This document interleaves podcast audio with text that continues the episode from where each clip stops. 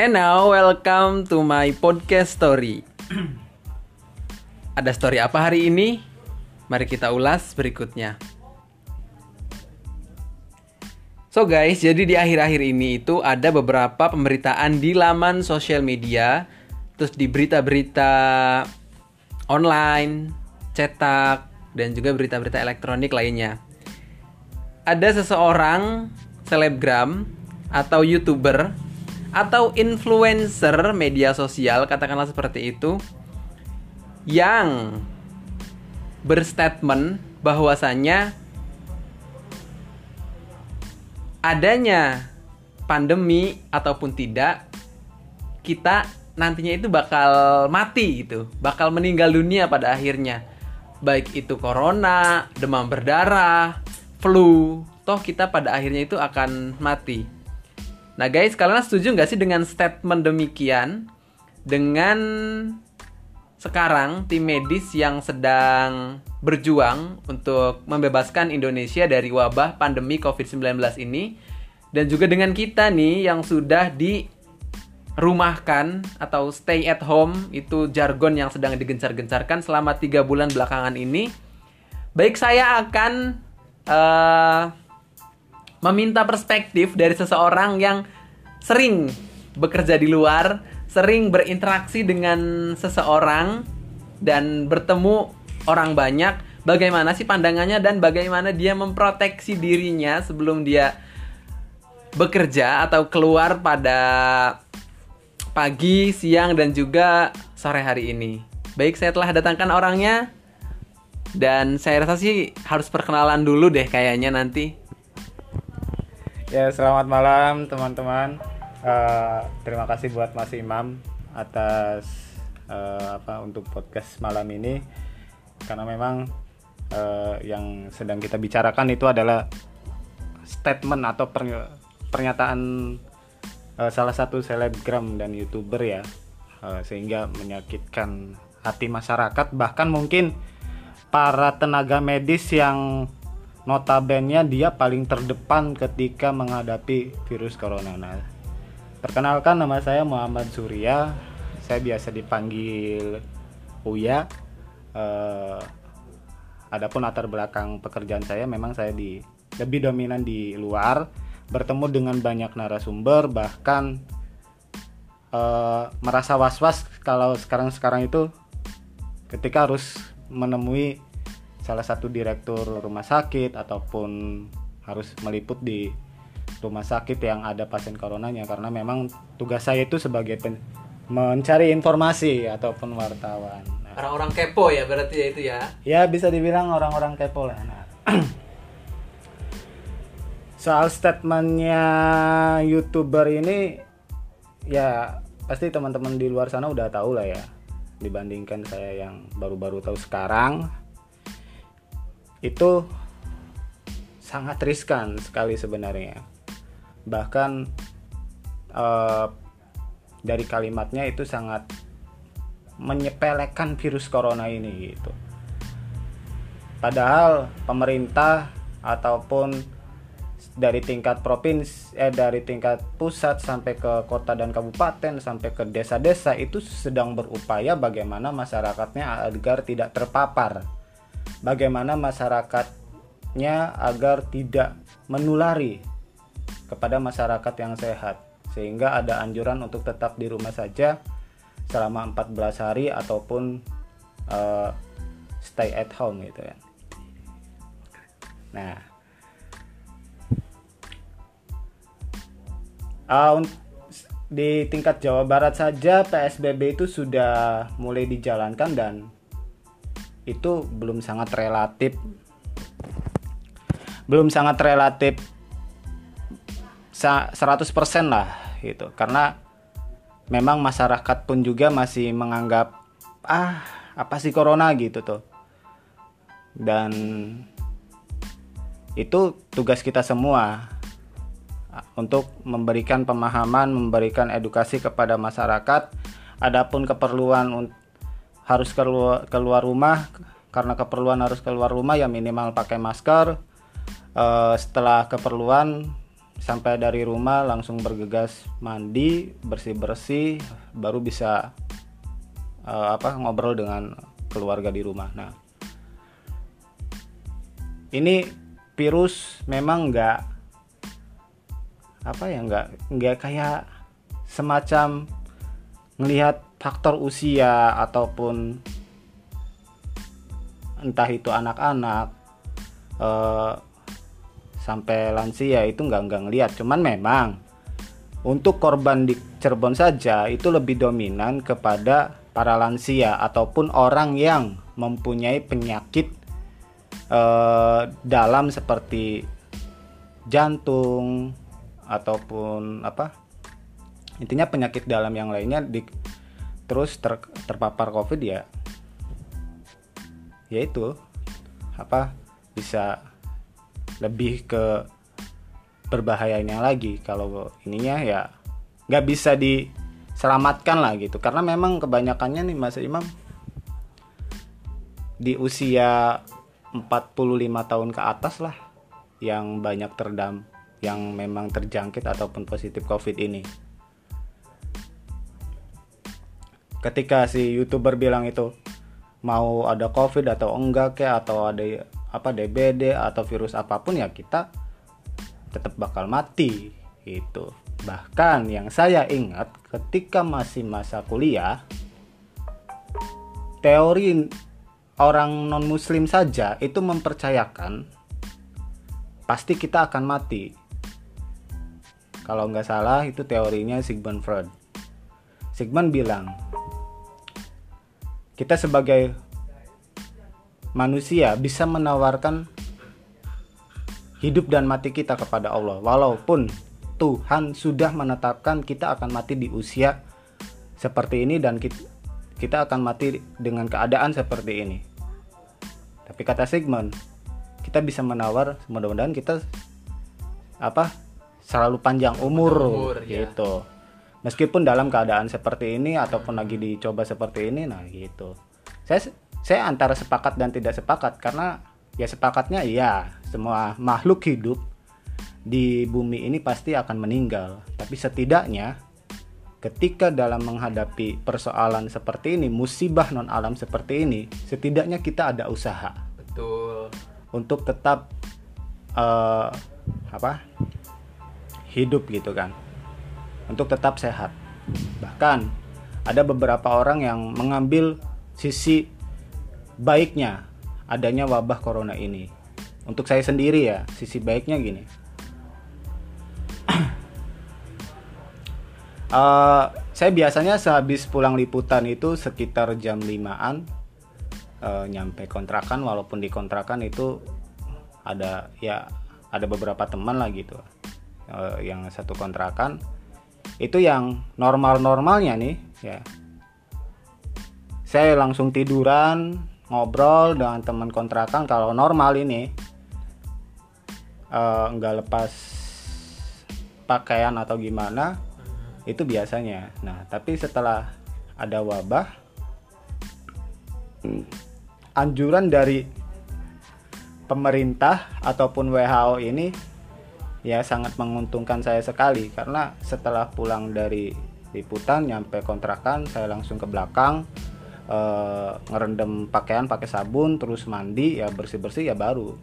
Lebih uh, mendisiplin, mendisiplinkan diri berarti ya ya? Iya kita lebih merasa ya maaf maksudnya yang tadinya agak kejorok banget terus uh, kita ngedadak bersih bahkan dulunya yang misal makan itu tidak tanpa cuci tangan itu fine fine aja nggak ada masalah mm-hmm. sekarang kan harus ada ada merasa was was gitu kalau makan uh, pakai tangan tanpa cu- cu- cuci tangan gitu hand sanitizer aja sekarang udah laku gitu kan mm-hmm. yang tadinya kalau ke Indomaret ngelirik hand sanitizer tuh ah buat apa? gitu. Kita lebih ke ngelirik ke ciki-ciki apa ciki ataupun ciki snack lah. iya, iya. ciki-cikian nah itu.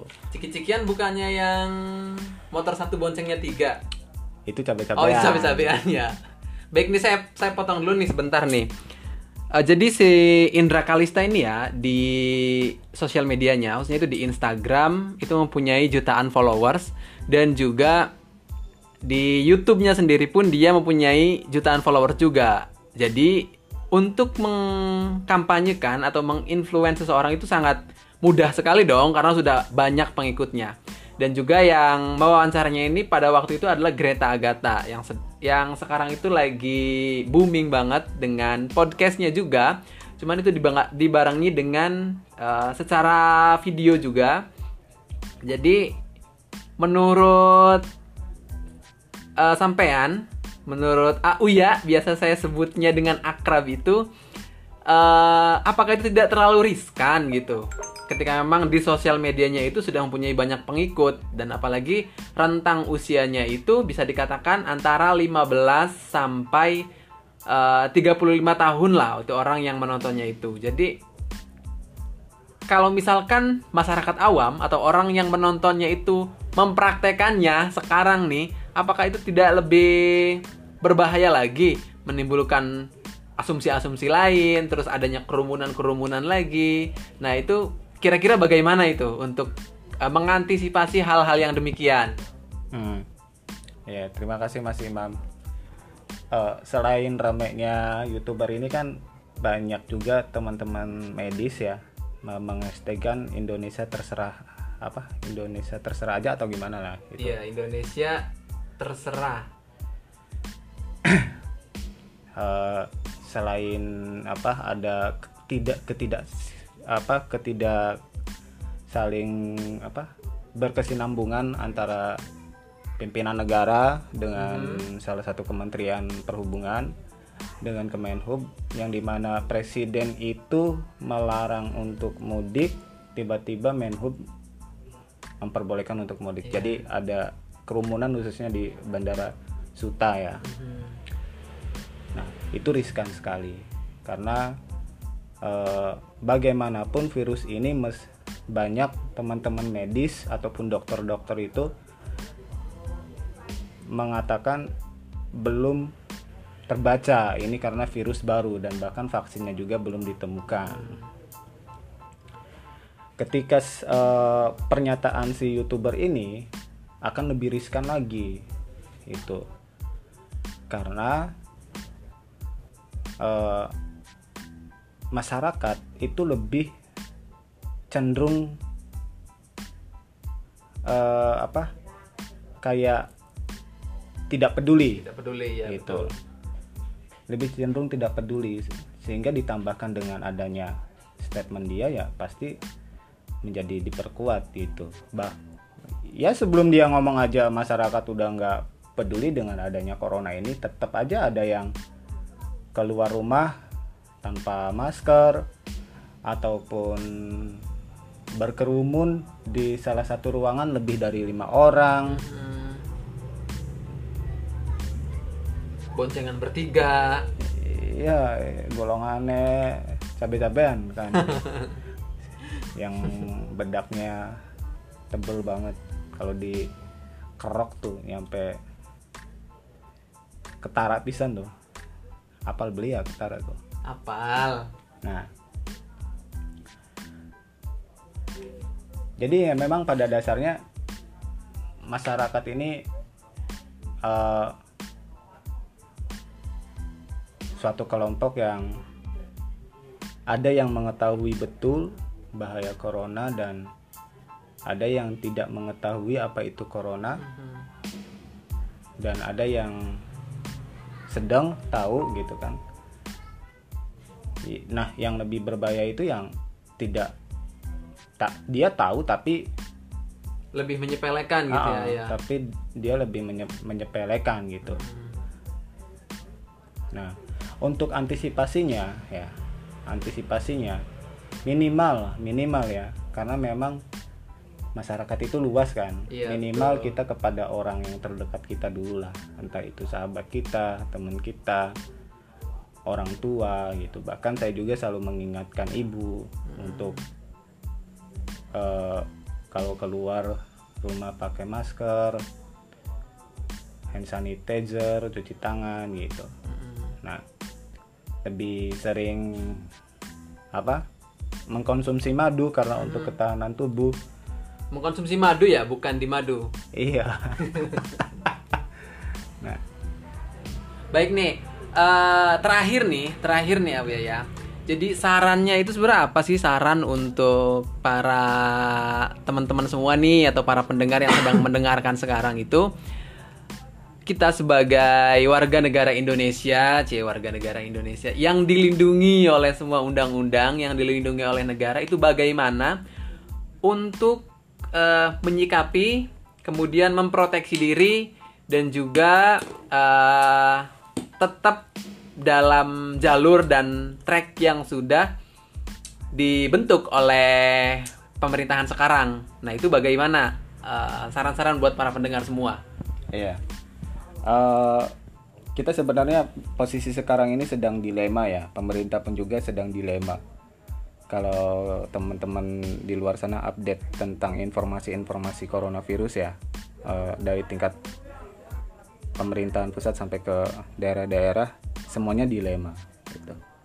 Eh, kita ambil dari kota Cirebon saja ketika pemerintah provinsi menetapkan ataupun memerintahkan akan PSBB pembatasan eh, sosial berskala besar di tingkat provinsi selama dua minggu ini bahkan ini sudah berjalan eh, hampir satu minggu lebih karena memang akhirnya nanti di tanggal 19 nah Pemprov Jabar itu apa memberikan keputusan kepada pemerintah kota kota ataupun kabupaten se-Jawa Barat untuk melakukan langkah ke depannya seperti apa. PSBB ini bisa diperpanjang atau tidak, tapi itu kebijakan dari pemerintah kota atau kabupaten, bukan provinsi. Nah, untuk di kota Cirebon sendiri, wali kota kita Nasruddin Aziz itu sudah menyepakati dengan Forkopimda lainnya kepala-kepala dinas ataupun pimpinan eh, OPD-OPD lainnya sudah menyekap, menyepakati bahwa Kota Cirebon akan melakukan perpanjang PSBB mulai besok tanggal 20 sampai 14 hari ke depan. Nah, ketika pemerintah sudah menetapkan hal itu, dilemanya kepada masyarakat. Jangan kira eh, pemerintah tidak mem- tidak peduli kepada masyarakat gitu kan sehingga terus melakukan sosialisasi bagaimana bahayanya coronavirus ini. Nah sel- itu itu yang paling penting. Dan yang paling terpentingnya lagi bagaimana pemerintah bisa membackup kehidupan masyarakat selama ada pandemi ini. Sehingga dari presiden sampai ke tingkat kepala desa itu menggelontorkan anggaran untuk pandemi. Ini memang dilema sekali. Ada yang bilang kok saya nggak dapet kang. Eh, saya, saya juga kan terkena dampak ini, ini ini. Karena memang kita bermainnya data. Ketika si kakak ini tidak terdata ya wayahnya gitu Tidak eh, memperoleh itu tidak ya. memperoleh bantuan sosial. Nah, ini dilemanya ini dilemanya memang kita di tingkat perekonomian bahkan Jokowi tidak mengambil keputusan lockdown karena dia melihat dari sisi ekonomi di Indonesia ini rendah. Gitu. Pemerintah mengakui bakal tidak bisa eh, memenuhi kebutuhan masyarakatnya eh, selama lockdown. Iya. Untuk itu Jokowi memerintahkan hanya untuk PSBB saja. Nah, PSBB saja udah kolab nih, ya. Tingkat ekonomi ini udah kolab, khususnya para pedagang-pedagang ya. Eh, apalagi pedagang sandang itu tidak diperbolehkan selama PSBB. Diperbolehkan untuk berjualan ya. Iya, karena kan bukan kebutuhan pokok eh, masyarakat. Nah,